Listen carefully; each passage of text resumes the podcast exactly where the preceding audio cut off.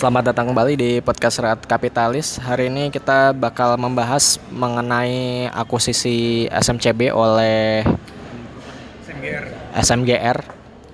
Nah, ini akuisisi ini sebenarnya eh, lumayan cukup mengubah jalannya peta persaingan di industri semen sendiri.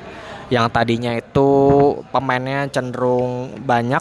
Kalau gua lihat sih tadinya itu sebelumnya sebelum ada akuisisi tersebut ya semen Indonesia itu atau SMGR pangsa pasarnya itu sebesar 33% dan Indosemen itu 23% dan Holcim atau SMCB itu 14%. Nah, setelah adanya akuisisi yang dilakukan oleh Semen Indonesia terhadap SMCB itu market share dari Semen Indonesia itu ini mar- market share by kapasitas ya. Berdasarkan kapasitas SMGR itu menjadi 47%, Indosemen itu tetap 23% dan sisanya itu ada semen Bosowa, semen Merah Putih, Anhul, Anhui, semen Batu Raja, semen Siam dan yang lainnya. Nah, jadi eh, sebenarnya tujuan dari akuisisi yang dilakukan SMGR terhadap SMCB itu sebenarnya satu buat menekan persaingan harga yang terjadi pada saat sebelum pra akuisisi karena banyaknya persaingan harga yang dilakukan oleh semen oleh perusahaan-perusahaan semen yang kecil sehingga menyebabkan em, profitabilitas dari perusahaan-perusahaan semen yang besar maupun yang kecil ini tuh, eh, ikut tergerus. Nah, selanjutnya itu adalah network yang ingin diperbesar oleh SMGR. Seperti yang kalau yang gue lihat sih SMGR ini kan menguasai di Sumatera, terus Sulawesi, terus di Jawa tapi tidak menguasai Jawa Barat. Jawa Barat itu dikuasain sama SMCB. Nah, jadi kalau misalnya mereka ada proyek di Jakarta, mereka harus ngedatengin semen itu dari si Gresik ke Jakarta. Jadi biaya distribusinya itu untuk dari Gresik ke Jakarta itu lumayan mahal dan nggak terlalu efisien sih. Emang dia ada pabrik juga di Jawa Tengah cuman jadi kurang masih kurang efisien dibandingkan kalau dia punya pabrik di Jawa Barat yang cuman jaraknya berapa kilometer dari Jakarta. Nah, makanya maka itu juga si SMGR berpikir gimana kalau kita akuisisi si SMCB ini agar biaya logistik kita itu dapat ditekan sedemikian rupa. Hasilnya sebenarnya bakal kita lihat beberapa tahun mendatang. Tapi untuk khusus untuk tahun depan nampaknya earnings untuk beberapa tahun men- mendatang sih kemungkinan earnings mereka akan berturun karena utang-utang yang tadinya ada di SMCB itu pindah terkonsolidasi terhadap SMGR. Nah, itu juga mereka masih menanggung dari interest debt atau beban bunganya itu juga masih ditanggung oleh SMGR. Jadi si SMGR ini mengambil seluruh entitas dari si SMCB maupun utang maupun sahamnya. Nah, utilisasi mereka itu sebenarnya sih masih cukup bagus ya di sekitar kalau nggak salah sih delap, 80% ya kalau nggak salah utilisasi mereka itu. Enggak, utilisasi pabrik si SMGR. Bentar ya.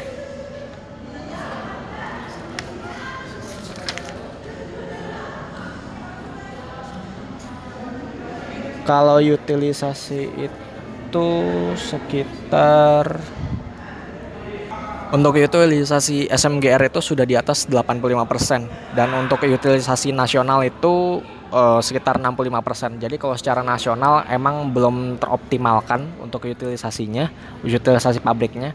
Namun untuk SMGR sendiri sudah cukup baik, yakni sudah di atas 85%.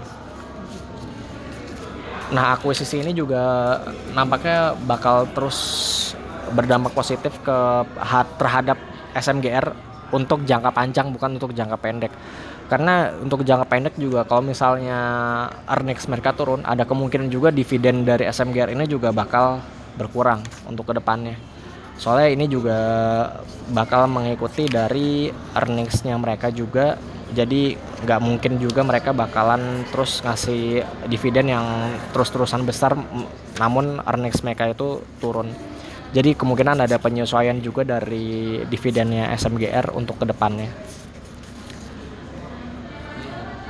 Nah, kalau misalnya kita simpulkan itu dengan akuisisi ini sebenarnya SMGR resmi menguasai pasar di Pulau Jawa, Sumatera, Sulawesi itu mereka kuasain. Untuk di Papua sendiri sih ada beberapa pesaingnya. Cuman gue lupa namanya apa yang menguasai di Papua itu. Nah, cuman kalau kita lihat dari segi debt to equity ratio atau DER-nya itu sebelum dia akuisisi SMCB itu DER-nya cuma 0,3 kali dan setelah dia akuisisi itu DER-nya sekitar 1,1 kali. Sebenarnya dengan D- DER segitu masih cukup baik sih ya, belum nyampe satu setengah atau dua itu masih cukup aman lah untuk SMGR sendiri. Nah, dua minggu yang lalu juga gue udah mention untuk SMCB bahwa watchingnya itu saham yang perlu diperhatikan itu salah satunya adalah SMCB. Nah, alasan kenapa harus memperhatikan SMCB itu salah satunya adalah karena bakal diakuisisi sama SMGR. Tapi waktu itu masih beritanya masih belum pasti, cuman hanya hanya rumor di pasar aja. Jadi gue belum berani mengatakan bahwa itu sesuatu yang bakal pasti. Jadi gue nggak berani bilang alasannya si SMCB itu naik karena bakal diakuisisi SMGR. Dan gue cuman bisa bilang bahwa ini ada peluang di SMCB secara teknikal aja waktu itu dan sekarang udah diumumin jadi ya bisa dikatakan gue boleh bisa ngomong lah kalau SMCB ini bakal diakuisisi sama si SMGR. Oke selanjutnya untuk topik utama kita bakal bahas mengenai how to manage your own portfolio gimana caranya kita mengelola portofolio pribadi kita sendiri untuk hasil yang optimal. Untuk yang pertama mungkin hari ini sebenarnya sih gue nggak sendiri ya kalau dari awal gue nggak memperkenalkan teman-teman gue hari ini ada dia Julio sama Sigma cuman untuk Karisa berhalangan hadir nah untuk yang pertama mungkin dimulai dari Sigma dulu ya untuk how to manage your portfolio Ya, halo semuanya. Di kan ini kita sekarang mau ngomongin gimana sih cara cara manage portofolio kita sendiri. Kalau dalam hal ini sih gue lebih ke portofolio saham. Eh, misal kita ibaratkan modal kita nih 100%. Kalau gue pribadi hmm, 70% bakal gue maksimalin, 30% eh, untuk untuk stay cash, stay cash. Em, apa namanya kalau mis eh, sebenarnya isi dari portofolionya juga tergantung seberapa besar nilai modal kita sih. Kalau misal 10 juta 5 saham itu sih udah maksimal. Kalau menurut lo gimana? Iya sih, kalau gue juga nggak mau terlalu banyak ada saham di portofolio gue sih, menurut karena memang ya ini ya, eh, ya memang dari keterbatasan dana yang yang gue punya juga sih. Kalau misalnya seandainya gue mungkin punya miliaran atau ratusan juta, mungkin gue bisa eh, apa namanya gue bisa taruh lebih banyak lagi di lebih banyak saham lagi. Tapi pun sebenarnya ya kalau menurut gue kalaupun gue punya dana yang lebih besar lagi miliaran gitu atau ratusan juta gue juga nggak mau banget banget naruh di banyak banget saham sih. Menurut gue sih ya itu lima lima itu udah oke lah itu lima lima jenis saham itu udah oke memang sih eh, beda kalau di portfolionya fund manager ya. Ya, ini kalau kalau fund manager kan ya betul. Ini kalau buat retail sih gue sih menyarankan juga itu 5 5 itu udah udah maksimal juga sih menurut gue karena gue sendiri juga ya sekitar sekitar segitu sih yang ada di portofolio gue gitu kalau di fund manager tuh karena dia mungkin kadang-kadang indexing gitu kan ngikutin indeks bobot uh, indeks jadi mungkin dia bisa lebih banyak lagi bisa 20 saham gitu. Atau malah mungkin lebih ya mungkin atau mungkin juga kurang gitu. Tapi yang jelas nggak mungkin dia cuman invest di 5 saham kayak retail gitu kan. Terus mungkin kalau dari gue sendiri gue sih uh, milih saham gitu ya. Pertama yang yang jelas gue pilih sektornya dulu kan. Tuh gue cari tahu hmm, kira-kira sektor yang lagi hits gitu yang lagi in apa gitu. Baru habis dari sektornya ya gue pilih yang uh, sekiranya uh, fundamentalnya bagus dan juga teknikalnya bagus gitu kan. Ya baru deh gue uh, ambil posisi di saham itu sih menurut gue sih gitu. Memang sih nggak uh, nggak nggak menutup kemungkinan juga sering juga ada info gitu kan. Ya nggak ada bisikan-bisikan. dari ya dari mana-mana dari dari ya banyak lah ya dari media-media yang yang ada gitu kan. Ya memang sih nggak hmm, bisa dipungkiri juga itu memang ada benarnya gitu. Tapi alangkah baiknya sih sebenarnya uh, kita sebagai investor saham tuh nggak cuma mengandalkan ya nggak cuma mengandalkan bisikan-bisikan atau info-info tersebut itu tapi juga uh, kita belajar gitu. Ini fundamentalnya sebenarnya saham ini ada nggak sih? Maksudnya belajar untuk baca laporan keuangan ngelihat ngelihat melihat rasio-rasionya gitu. Uh, dan juga ya paling gampang sebenarnya belajar secara teknikal gitu. Paling gampang dan sebenarnya uh, applicable dan juga uh, apa namanya hmm, tahu timing dia masuk ya istilahnya ya istilahnya apa ya? Applicable dan bisa bikin bisa profitable juga gitu menurut gua. Kalau buat yang baru pertama bir, per, apa namanya istilahnya baru mulai gitu baru beginner menurut gua sangat sangat uh, menyarankan untuk belajar untuk teknikal gitu. Mungkin ada yang mau nambahin? Balik lagi kalau misalnya uh, gimana cara memanage portofolio nih? Kalau uh, yang tadi disampaikan Sigma uh, 5 saham gitu kan. Ya menurut gue lima saham udah udah uh, oke okay sih. Jadi kalau uh, banyak-banyak saham kan kita juga nggak fokus tuh. Jadi dengan lima lima saham ini kita bagi beberapa sektor nggak lima saham terus satu sektor doang. Jadi uh, apa ya kan uh, market tuh setiap hari ada yang misalnya uh, properti naik terus konstruksi turun jadi kita bagi kita pecah sektornya.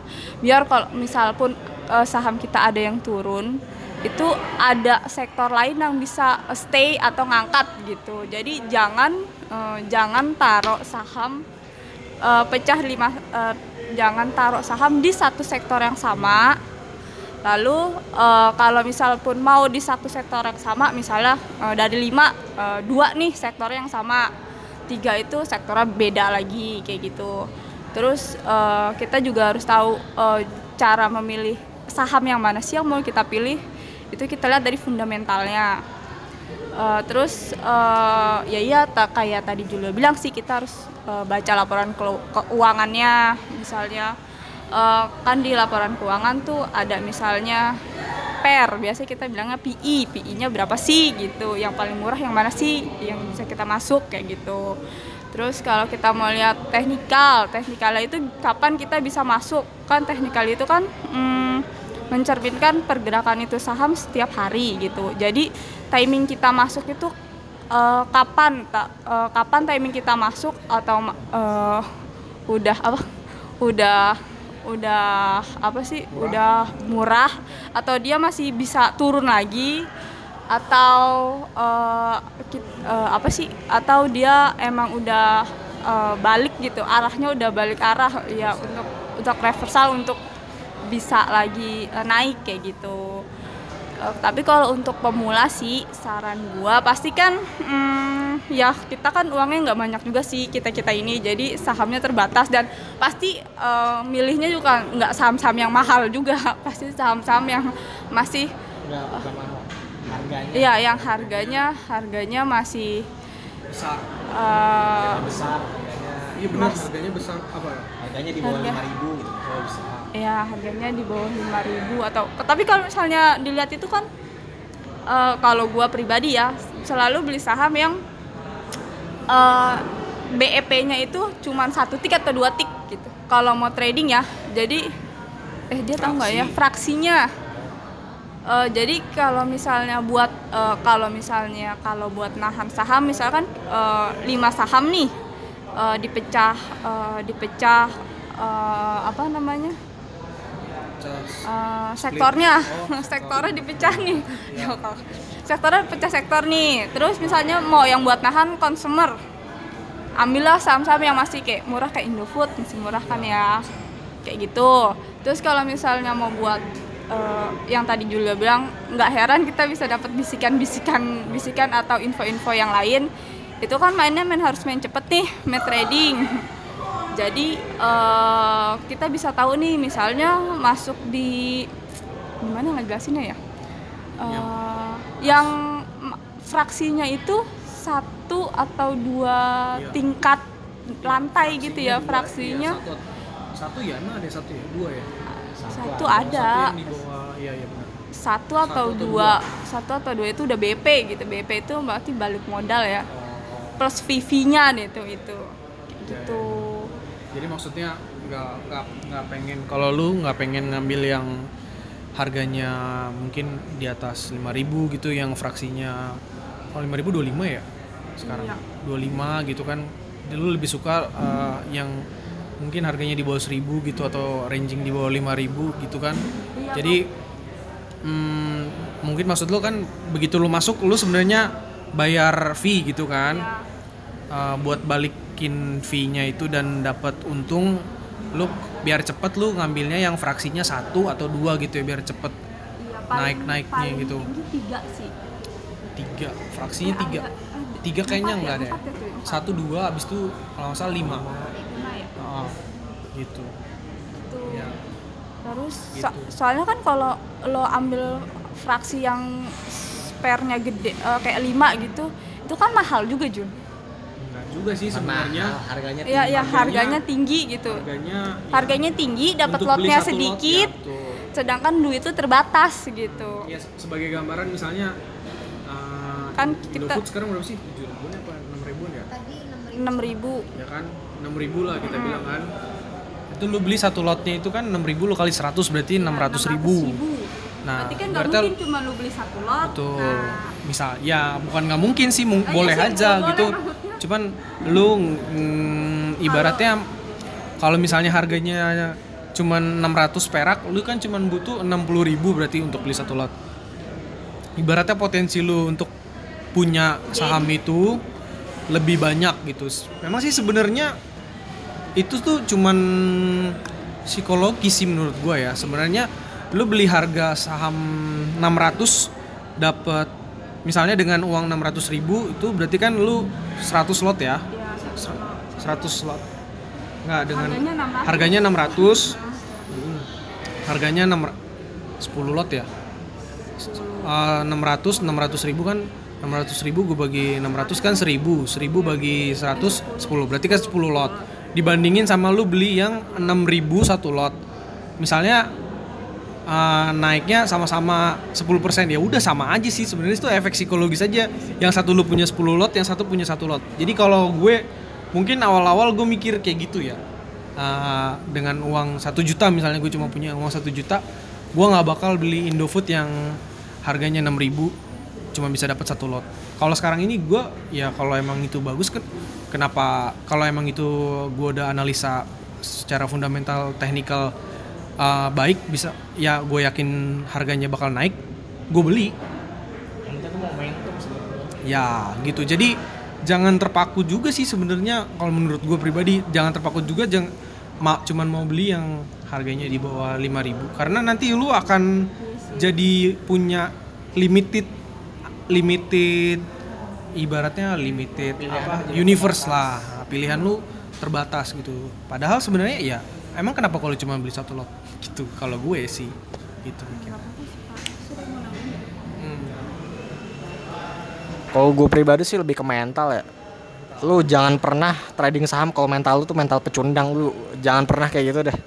Jangan pernah trading saham mendingan lu taruh duit lu di deposito aja karena orang yang trading saham itu pasti punya mental juara dan dia udah tahu apa yang bakal dihadapin ke depannya. Karena kalau dia nggak punya mental juara atau apa pun, percuma dia bakal rugi terus-terusan kan nggak pernah peruntung. Dan ujung-ujungnya dia bakal keluar-keluar kalau saham itu judi segala macam. Dia nggak punya mental sih menurut gue itu.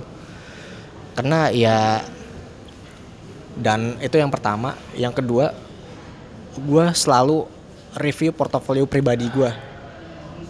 Itu portofolio pribadi gue tuh selalu tracking sama ISG apa enggak.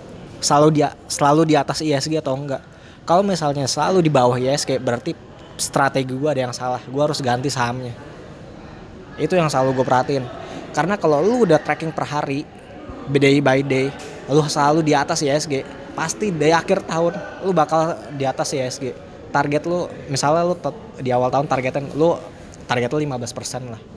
Kalau lu bisa berhasil ngalahin ISG day by day lu sebulan lu kalahin dua bulan lu kalahin tiga bulan enam bulan setahun pasti lu bakal ibaratnya akan terbiasa untuk terus menang-menang dari ISG nggak pernah kalah. Gue selalu tracking kayak gitu. Itu juga penting sih menurut gue untuk apa ya ibaratnya benchmarking lah ibaratnya lu review sendiri gitu. Ini gue bener apa salah sih selama strategi itu? Jangan sampai portofolio udah minus 2 juta apa berapa berapa juta lu baru review wah gue ada yang salah lu baru cut loss. Itu rasanya beda saya iba- ibaratnya lu cuman cuman baru kehilangan 100 200 ribu lalu- dan lu sadar bahwa portofolio lu tuh udah jauh jatuh jauh di bawah ISG terus lu cut terus lu balik lagi lu bangkit lagi dan lu bisa tracking ISG itu rasanya beda. Dan mental lu pun akan terus terjaga untuk terus menang dari ISG makanya gue bilang lu harus tracking portofolio pribadi lu sendiri. Dan gue itu yang gue lakukan selama ini bukan selama ini sih baru ya baru setelah kerja gue kerja di aset manajemen dan baru mengerti gimana tuh caranya tracking di ISG dan satu lagi gue selalu punya usahain selalu punya saham yang indeks weightnya tuh gede terhadap ISG karena apa? Karena kalau setiap kenaikan ISG at least kita bisa mengikuti pergerakan ISG dan dan saham-saham yang indeks weightnya itu gede terhadap ISG itu salah satunya ada BCA, BRI, Bank Mandiri, BNI, terus HMSP, UNVR. Tapi bentar lagi ada peraturan itu loh yang free float itu. Nah, free float itu juga sebenarnya cuma ngaruh di LQ45 sama IDX 30. Jadi eh, bukan yang secara market secara keseluruhan. Jadi untuk secara market secara keseluruhan sih menurut gua nggak ada yang ngaruh sih ya. Soalnya Sebenarnya buat yang free floatnya masih kecil, ya nggak sih kayak HMSP itu efeknya gede bro. Itu sebenarnya yang kalau lu lihat deh HMSP berapa hari ini eh, harganya kayak apa? Turun, turun banyak itu. Emang dia ada news apa? Nggak ada. Cuman basically karena free floatnya dia masih kecil sementara aturan di bursa itu mau mau digantikan jadi sesuai dengan free floatnya yang jadi apa bobot itu sesuai dengan free floatnya dia yang yang ada di bursa gitu Iya, dan itu kan cuman ngaruh kan di LQ45 sama indeks 30. Nah, berapa banyak sih yang ibaratnya orang yang benchmarking itu indeks indeks 30 sama LQ45 itu yang perlu dilihat sih. Berapa reksadana yang berapa fund manager yang tracking ke sana. Sedangkan kalau kita lihat LQ45 itu tahun ini udah kalah jauh dibandingkan ISG. LQ45 udah turun sekitar 11 persenan, ISG aja baru turun 7 persen. Artinya apa? Iya, si LQ45 sebenarnya kerjanya nggak terlalu bagus kalau dibandingkan sama ISG secara keseluruhan. Makanya fund manager itu lebih banyak yang trackingnya tuh ke ISG bukan ke benchmarking ke LQ45 atau IDX 30 karena kalau dari performa sih emang kurang begitu bagus ya soalnya kan kalau kalau ISG itu kita lebih bebas memilihnya gitu mau weightednya di mana gitu sebenarnya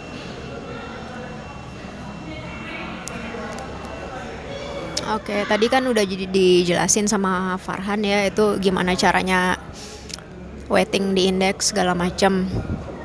Cuma first thing first sih mm, lo tur terjun di pasar modal ini invest di saham ini kan mau untung kan ya ya kalau menurut gue sih ada baiknya cobalah eh, apa namanya trial trial trading dulu gitu banyak kok aplikasinya sebelum lo bener terjun di market gitu karena biaya belajar tuh beneran mahal kalau menurut gue dulu awal?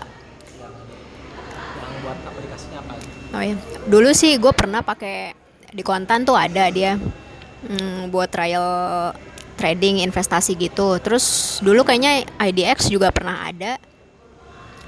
Em, banyak sih sebenarnya kalau lo googling googling gitu aplikasinya buat RT RTI bisa ya. RTI itu free sih. Free. RTI. Iya, di Ah. Android. Mhm. Gua nggak tahu sih Yang kalau buat trading maksudnya. Oh sorry, sorry. Kalau buat trading ya ber- kalau buat trading ya berarti udah selected itu udah jelas broker dong berarti kan ya. Enggak maksud gua yang trial virtual account. virtual Ah, iya, virtual account. Ada kontan, ada di mana lagi ya? Ada sih. Sebenarnya waktu zaman gua masih kuliah ya. Ah, iya, Ya.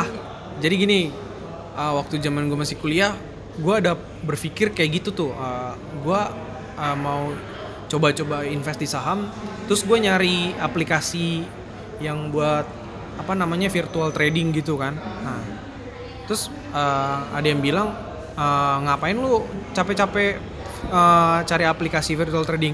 Ya lu bikin aja Excel lu sendiri gitu loh. Kalau kalau emang lu niat, tapi ya disiplin ya sama maksudnya ya misalnya jadi lu beli beli di harga berapa lu catat di Excel lu. Berapa lot. Misalnya lu uh, angan ya di virtual Excel virtual trading versi Excel punya lu itu lu punya duit misalnya satu miliar gitu kan. Ya misalnya hari ini lu beli uh, saham bikin simulasi. bikin simulasi sendiri di Excel gitu loh. Jadi nggak usah nyari virtual nyari aplikasi virtual trading. Memang sih ada juga ya ngantri dulu kan. ya betul sih Segala macam. ya betul memang ya Jeleknya di situ. benar jeleknya di situ ya jadi nggak ada realnya ya ya sih bisa juga memang ya memang eh, kalau virtual trading itu berarti dia berarti antriannya di situ ya lu kena pas antrian lu kemakan gitu ya berarti ya exactly sama real kayak yang di market ya Secanggih itu sih kalau gua rasa ya. iya ya gue juga lupa sih dulu Eh, temen gue kan akhir-akhir ini kan juga apa namanya nyoba di kontan tuh.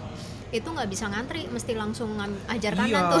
jadi mesti gua- langsung beli makanya gue gue yakin juga nggak nggak bisa kayak nggak bisa bikin kayak gitu. Karena dia pasti lu beli beli di bit jual jual di offer. Karena ya lu mau ngantri antrian lu kan nggak antrian lu kan fake apa dummy Iya, gitu.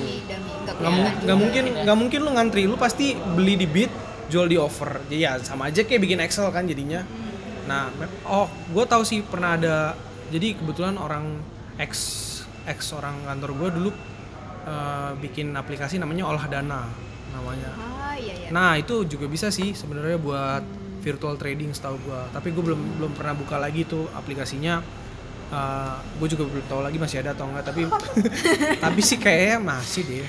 Iya kali. Namanya olah dana. Jadi itu bisa dicari di uh, App Store di Eh, Stockbit ada Stockbit Oh, kurang ada. tahu. Stockbit ada ya? Stockbit ada. ya ya banyak sih sebenarnya ya virtual virtual trading itu. Ya ibaratnya bisa lu pakai itu lupa tuh bisa lu pakai Excel lu sendiri gitu. Udah lama jadi uh, masih Cuman- sama sih cuma iseng-iseng. kalau menurut gue ya jangan misalnya lu udah dapet sense-nya gitu kan udah dapet sense-nya buat trading atau buat beli jual beli saham ya nggak ada salahnya kalau memang lu punya dana gitu lu coba real account gitu kan. Atau kan ada sekuritas buka eh, buka buat eh, virtual account juga sebelum dia opening account di dia. Ada tuh biasa biasanya sih trial seminggu atau sebulan gitu. Oh, tapi nggak ada duitnya kan? Ya nggak ada namanya juga Iya, trial sebelum lu buka buka di sekuritas ada kalau di kontan tuh maksud- 250 juta. dia gua kalau yang di broker itu ada yang duit nggak ada virtualnya iya. nggak ada jadi Yang lah sistem, ngeliat gitu iya. ngeliat. Nah setelah udah udah trial sebulan, nah baru lu dikejar-kejar sama sales aja. pengalaman pribadi pak Enggak, gua nggak pernah dikejar-kejar. Oh, ya, terus sama ya mungkin sebelum trial kan juga apa deh itu tadi? Tuh kan gue jadi lupa. Oh iya sama ini. Ah, tu- tetapin dulu nih tujuannya. Pertama tuh lo mau buat invest atau mau buat trading. Kalau misal mau dua-duanya, mendingan sih akunnya dipisah. Karena berdasarkan pengalaman, akun gue kan emang lebih buat trading. Nih gue so-soan nih, misal mau beli Astra ah, ini mah ya udahlah pak eh, beli aja lah orang perusahaan bagus gitu kan. Cuma ya iya tadinya maksudnya tuh buat invest gitu kan. Nah terus Nah terus di porto yang sama, misal gue punya saham yang buat trading gitu kan. Eh, ketika yang buat trading ini Lebih untung. nope, eh, misal dia turun gitu kan, gue tuh gue gue masih yakin, tapi gue pengen nambah. Sedangkan dan dana dananya tuh udah nggak ada. Jadi gue tergoda buat jual yang untung kan, misal si Astra ini udah untung gitu kan.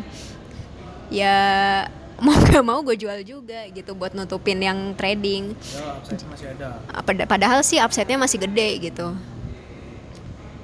gitu sih pertama tetapin tujuan dulu gitu buat trading atau buat invest nanti kan caranya tuh beda beda sendiri kan kalau misal kalau menurut gue invest itu ya lo lebih ngelihat fundamental lihat value perusahaan ke depan Eh, lo punya target yang jelas gitu nih gue tuh bisa untung sampai berapa gitu kan kalau misal trading buat gue sendiri trading 3% cukup 3% ya. Oh, tiga persen.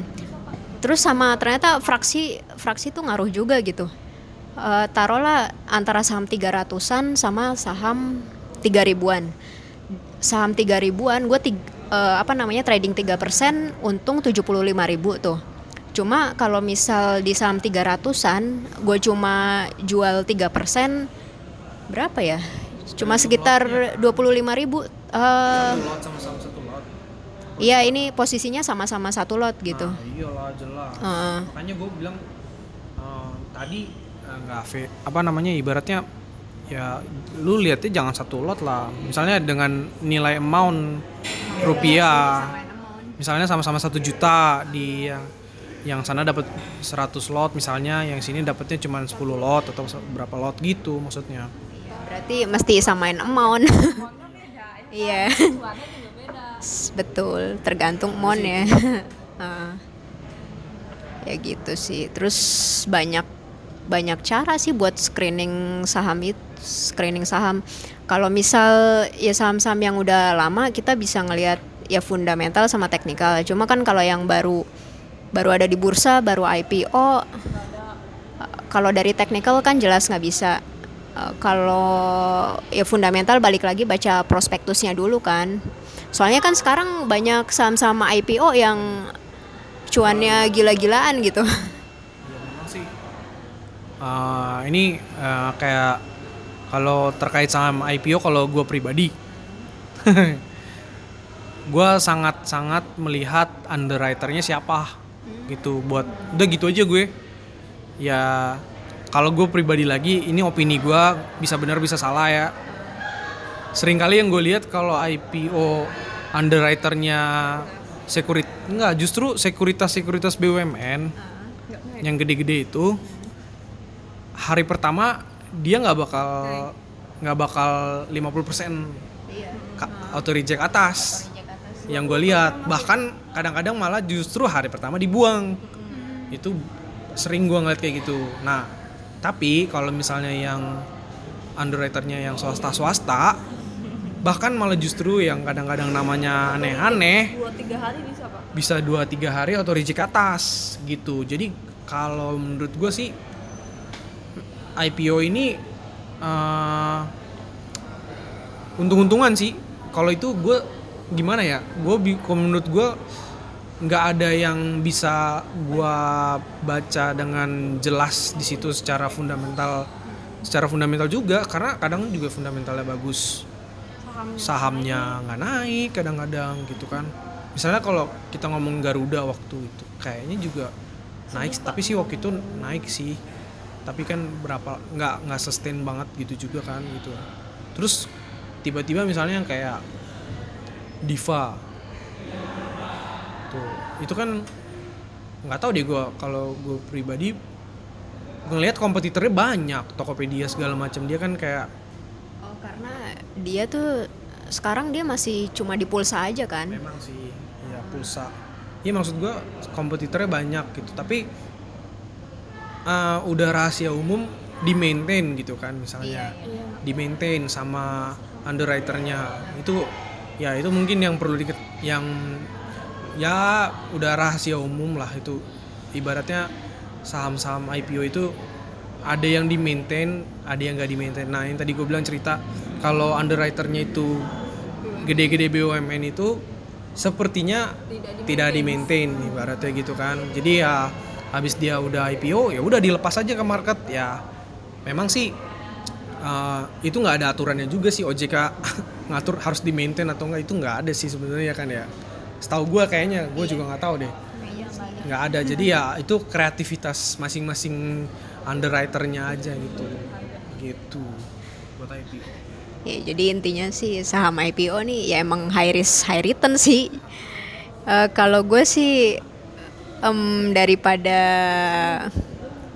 istilahnya bertaruh gitu kan, ya mendingan gue beli saham yang udah jelas aja gitu, yang udah ya yang udah bisa diukur secara fundamental sama teknikal lah gitu sih.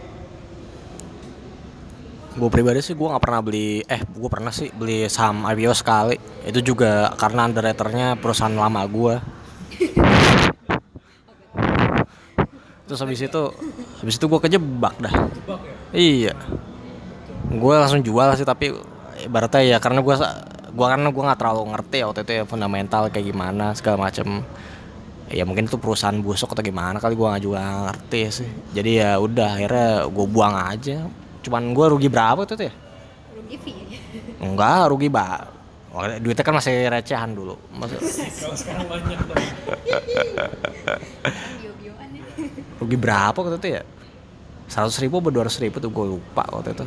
Langsung gue jual aja. Semenjak saya itu semenjak saat itu kayaknya ya seingat gue sih gue nggak pernah beli saham IPO lagi sih seingat gue seingat gue pribadi ya. Kayaknya gue nggak pernah beli saham IPO lagi.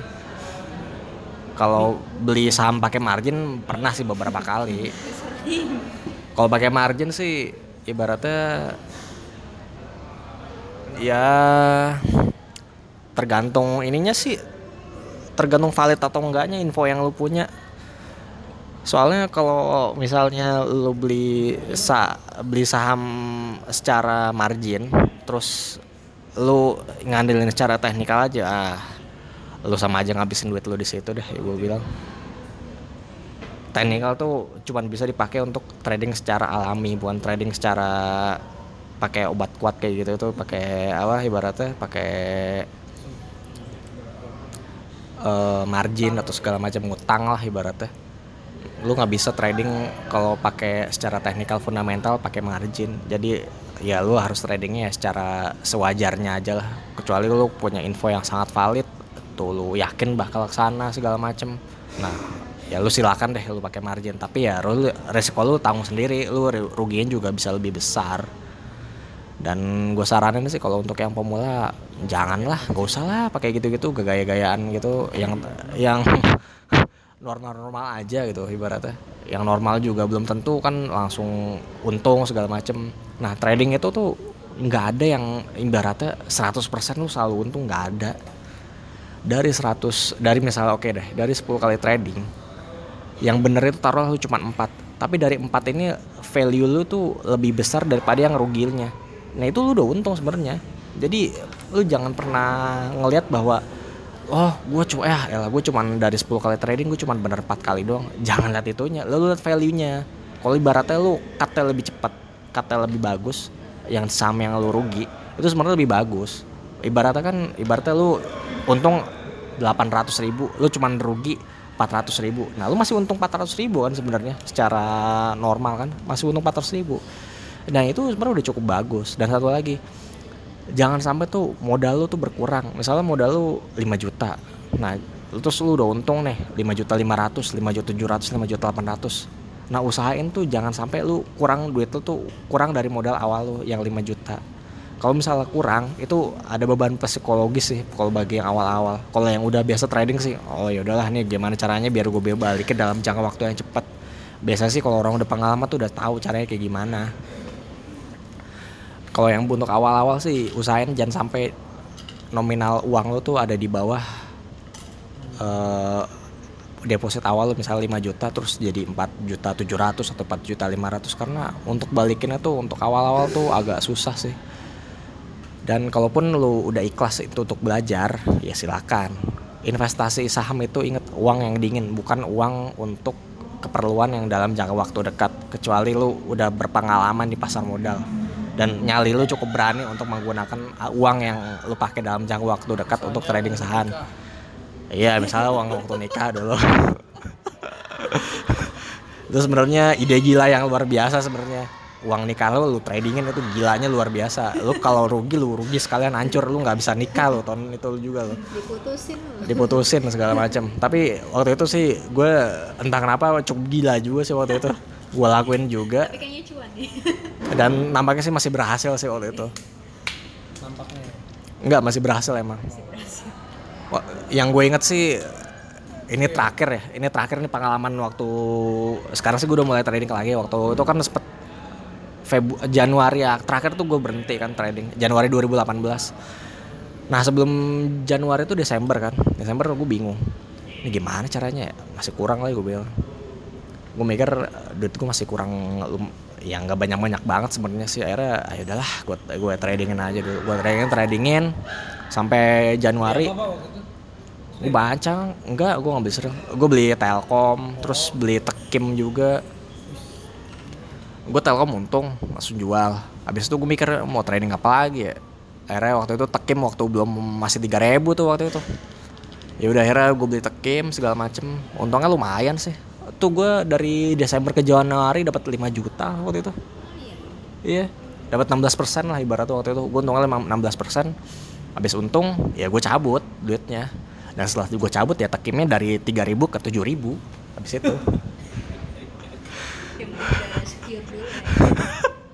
Dan gue juga bingung waktu itu entah gue seneng atau sedih atau gimana gue juga bingung deh waktu itu dan gue dan setelah dilihat berbulan-bulan lagi sepuluh ribu dua puluh ribu itu rasanya ya sudahlah mau diapain lagi. Nah kadang trading tuh kayak gitu ibaratnya. Makanya kalau itu itu dana dingin dan dananya nggak lu apa-apain lu pasti cuannya udah ratusan persen kalau misalnya lu pegang waktu itu.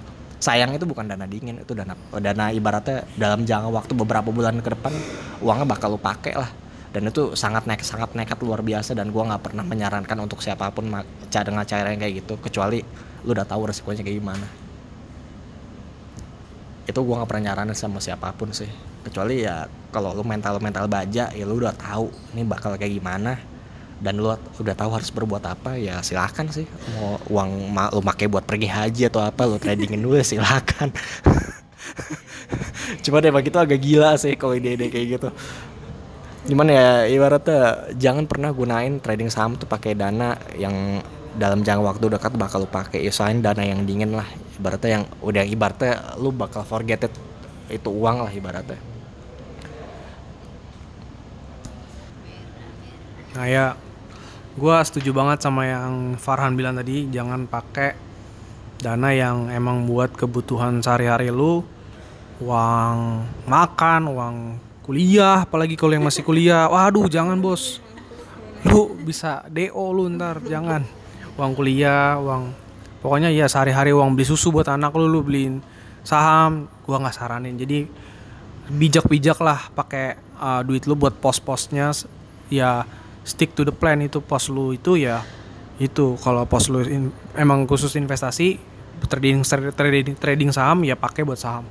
Nah terus gue mungkin mau nambahin dikit hmm, seperti yang orang bilang banyak dan gue alamin sendiri ya disiplin gitu.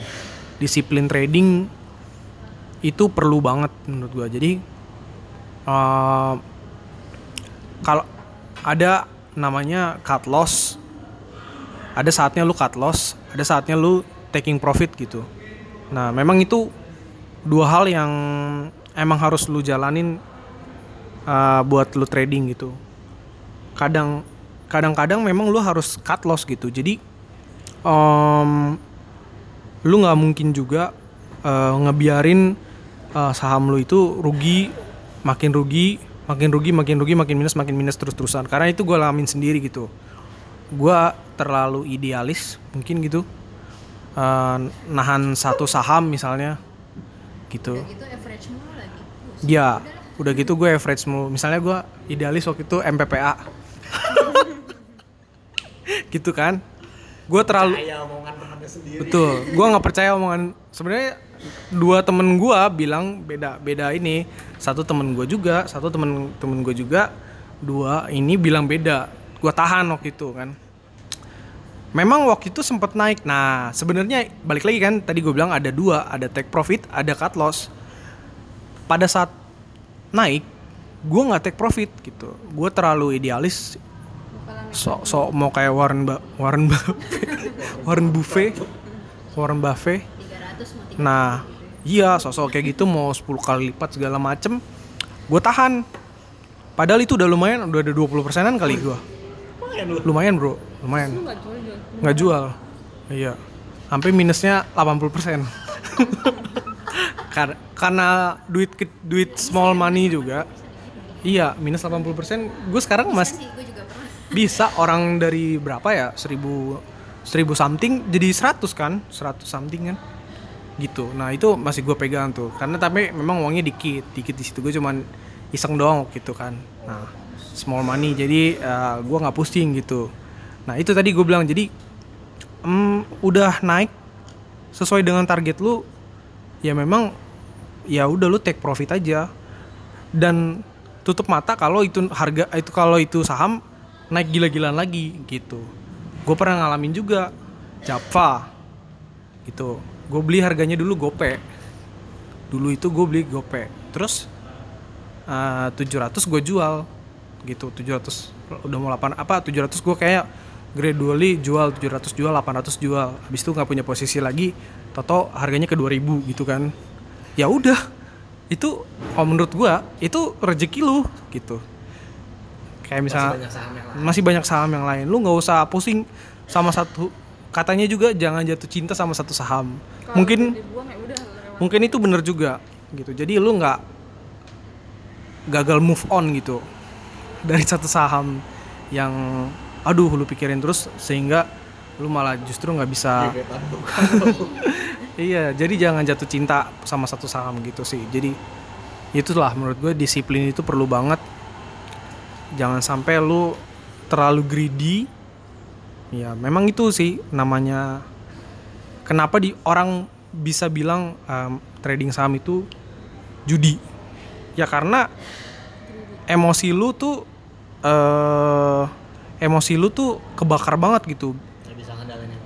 Mm-mm, jadi lu jangan sekali-sekali lu mengandalkan emosi lu buat ambil keputusan asik.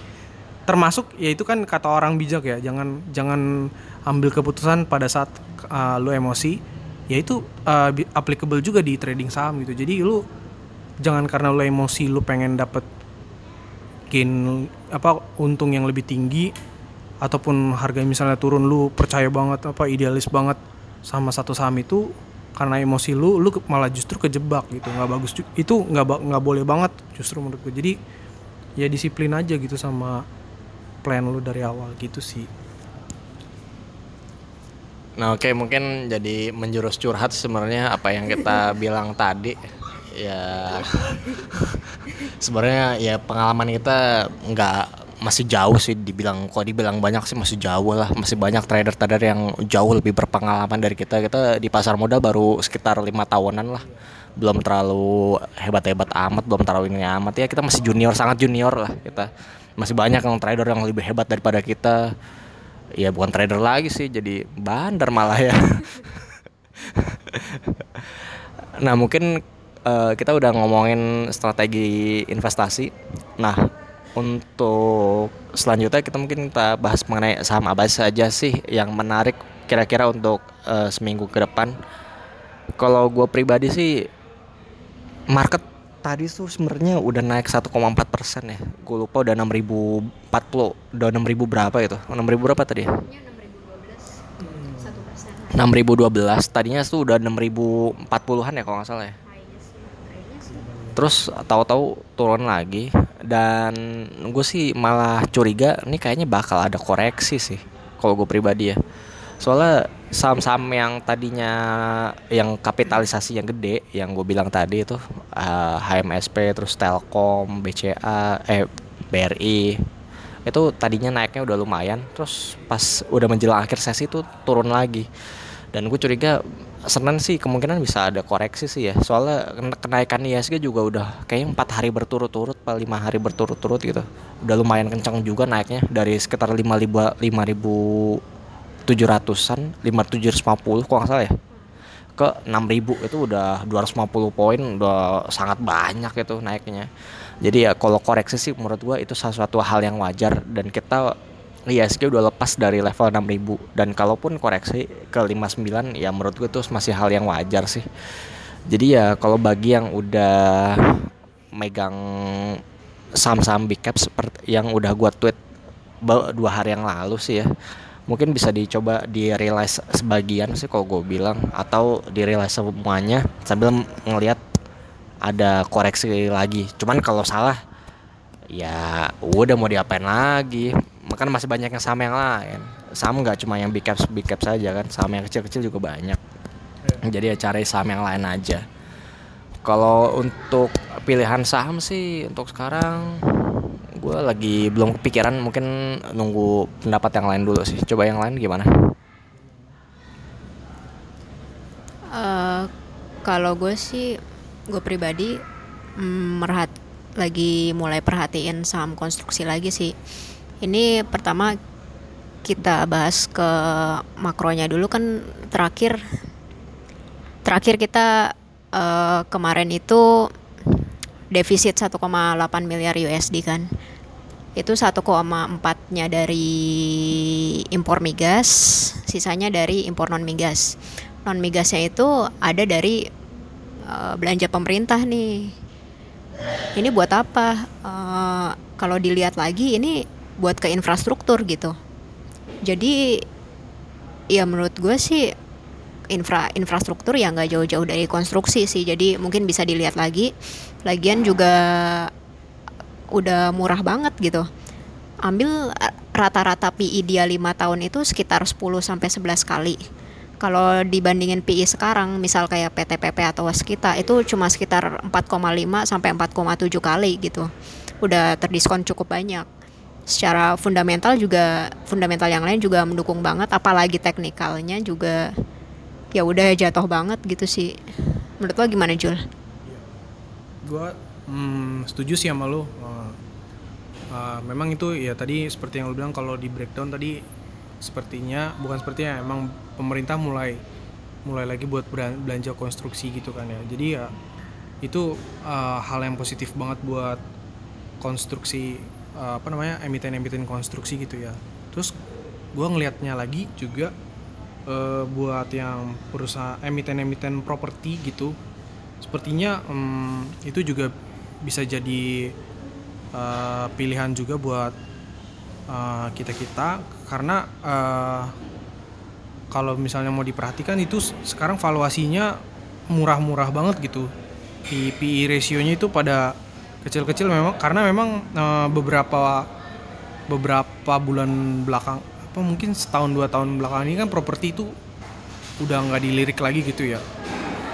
Nah tapi kan kalau beberapa saat belakangan itu kan orang kayaknya lebih lebih memilih uh, sektor mining gitu kan. Nah tapi kan sekarang storynya uh, harga minyak itu kan udah mulai turun gitu ya.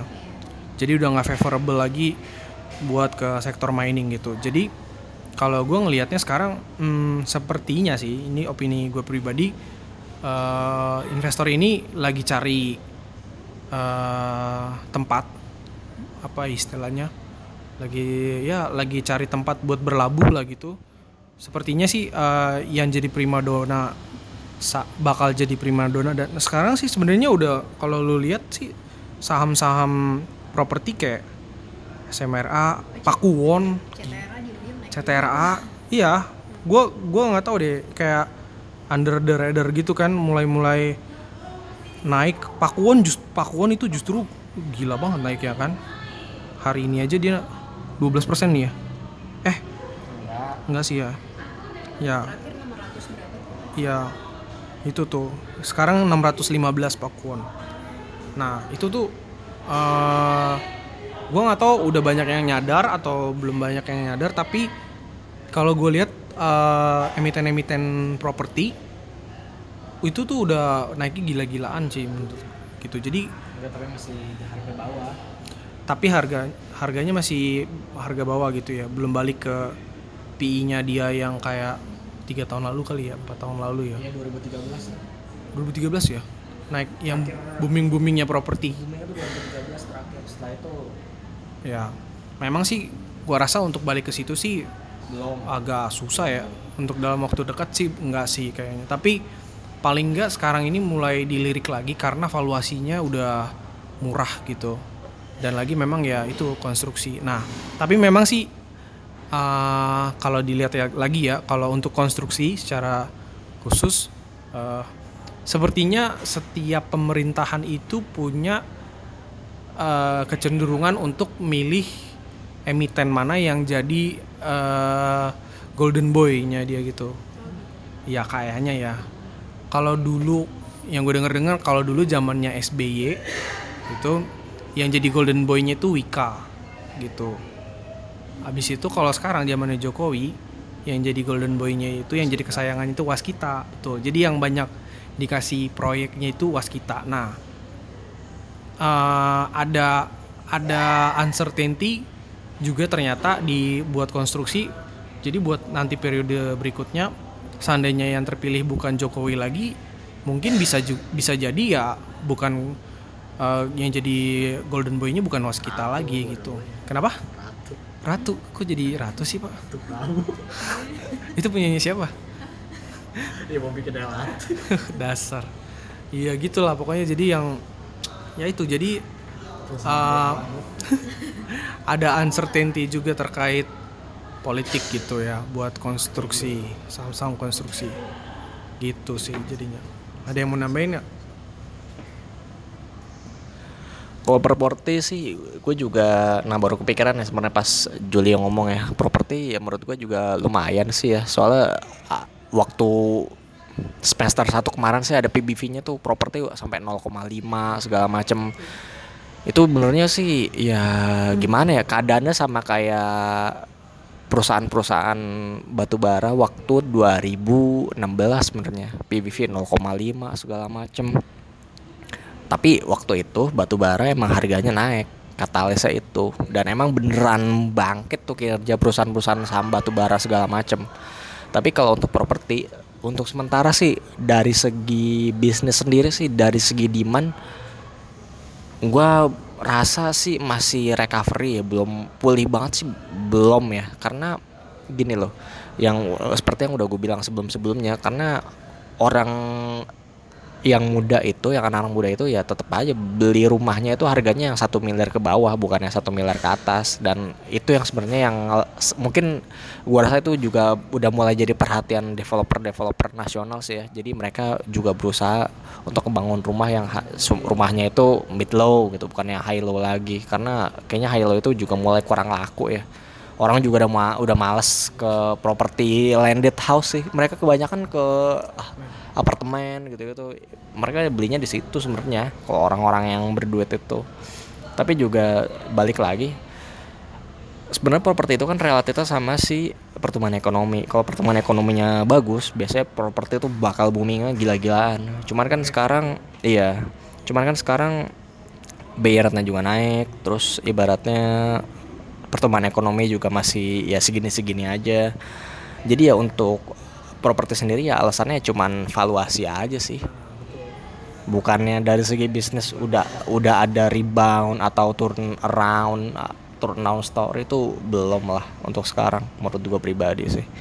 Malah ya apalagi ya pertumbuhan ekonomi yang masih 5% belum untuk pick up luar biasa sih untuk di tahun depan lah maksimal. Cuman ya kalau dari segi valuasi sih udah lumayan oke lah.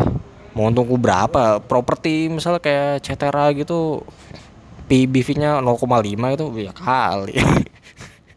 Satu setengah aja tuh udah ini loh maksudnya. Udah kecil banget. Pro Ciputra proyek di seluruh Indonesia PBV sekarang 1,1 pak kalau nggak salah.